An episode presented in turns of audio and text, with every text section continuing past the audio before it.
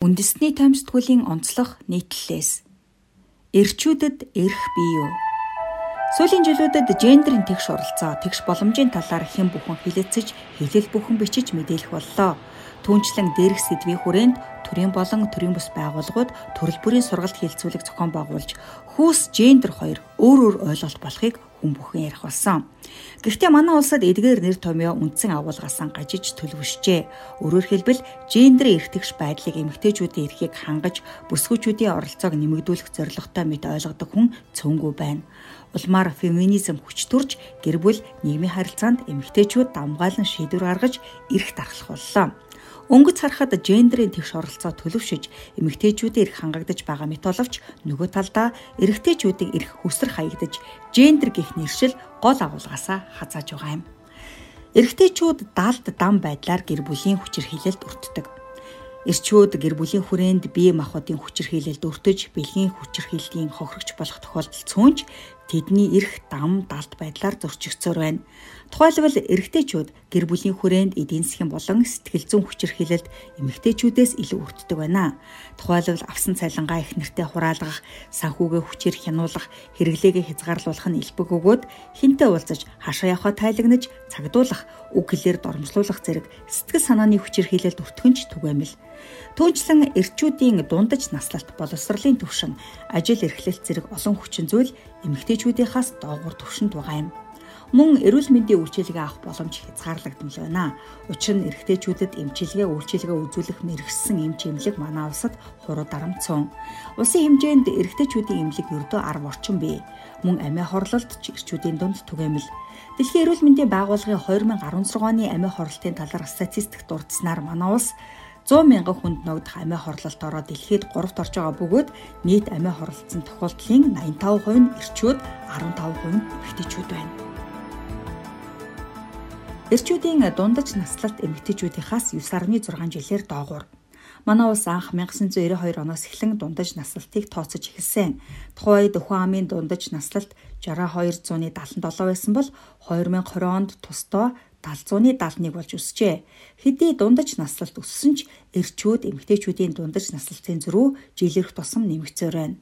Тодорхойлбол 1992 онд эрэгтэй эмэгтэй хүмүүсийн дундаж наслалт 4.9 жилийн зөрүүтэй байсан бол 2020 онд эрчүүдийн дундаж наслалт эмэгтэйчүүдийнхаас 9.6 жилээр доогуур болж өөрчлөгдсөн байна. Мөн Монгол эрэгтэй эмэгтэй хүмүүсийн дундаж наслалтын зөрүү дэлхийн дунджаар 2 дахин их байгаа юм. Түүнчлэн 30 наснаас эхлэн эрчүүдийн тоо буурдаг өгөөд хөдөлмөрийн насны эрчүүдийн нас оролт эмэгтэйчүүдийнхээс 3 дахин их байна. Тодруулбал эрчүүдийн 52.2% нь эмэгтэйчүүдийн 23% нь хөдөлмөрийн насндаа нас ордог байна. Энэ талаар Монголын эрэгтэйчүүдийн холбооны гүйцэтгэх захирал асан бадам цэцэг хэвлэл төгсөн ярилцлагадаа дурджээ. Тэрээр эрчүүдийн эрх маш их зөрчигддгөө. Эрчүүдэд эмчилгээ, үйлчилгээ үзүүлэх мэрэгсэн эмч эмнэлхэн тоо цөөхөн ихэвчлэн бөөрийн эмчнэр байдаг. Харин сүүлийн үед арай нэмэгдэж байна. Нүүрс тээврийн жолооч малчин эрэгтэйчүүдийн эрх зөрчигдхийн дээдээр зөрчигдөж байгаа.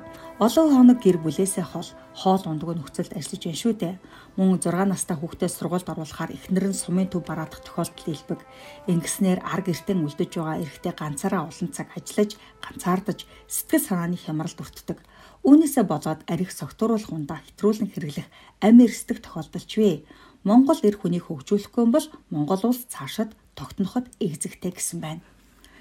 Хүчирхийлэлгүй ирээдүйн төлөө хөвгүүдэд боловсрал эзэмшүүлье.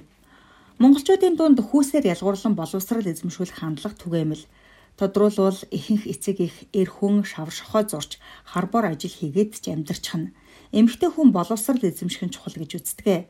Улмаар дунд болон ахлах ангиас нь хөвгүүдийг сургуулаас гаргаж биеийн хүчний хөдөлмөр эрхлүүлдэг бол октыг их сургууль сургахыг чухалчилдаг. Түүнчлэн хөдөө орон нутагт хөвгүүдээ сургуулаас гаргаж мал маллуулах тохиолдол ч илбэг. Ийхүү ар гэрийн гачигдлын улмаас цаашид сургуульд сургах боломжгүй болсон гэх нэрийдлэр хүүхдийнхээ суралцах эрхийг зөрчсөр байна. Үндэсний статистикийн хорооноос гаргасан боловсролын салбарын танилцуулгад 6-аас 14 насны хөвгүүдийн сургууль засварлалтад амьдралын гачигдал болон өвчлөл гол нөлөө үзүүлсэн гэж дурджээ. Ерхий боловсролын сургууль сурч байгаа охид хөвгүүдийн хүүсийн харьцаа тэнцүү байдаг бол анги дэвших тусам хөвгүүдийн тоо буурдаг. 2019 оны байдлаар бакалаврт 47 мянга гаруй эрэгтэй, 71 мянга гаруй эмэгтэй оюутан суралцж байна. Харин магистрт суралцж байгаа хүмүүсийн 66.2% нь докторийн түвшин суралцагчдын 55% нь эмэгтэй оюутан байгаа юм. Эр хүнч бас уйлдаг. Боловсралдах хүүсийн ялгаа ажлын байран дээр ч гарч байна. Тодруулбал төрийн байгууллагууд болон боловсрал эрүүл мэндийн зэрэг салбарт эмэгтэйчүүд ихэвчлэн алба хааж байгаа юм. 2010 онд төрийн алба хаагчдын 57%-ийг эмэгтэйчүүд, 43%ийг эрчүүд эзлэж байсан бол 2019 онд энэ тоо 61-39 болжээ. Ийхүү эрчүүдийн дундаж наслалт боловсролын түвшин, ажил эрхлэлт зэрэг олон хүчин зүйлс эмэгтэйчүүдийнхээс доогуур байна эр хүн уйлдгүй, өвддгүй, эрлэхэг баатарлаг байх ёстой хэвшмэл ойлголтод хүлэгдсэн цөлөх Монгол эрчүүдийн шалчханахгүй, шалтак тоочгүй гэсээр эрх хямбыг өмөртжээ.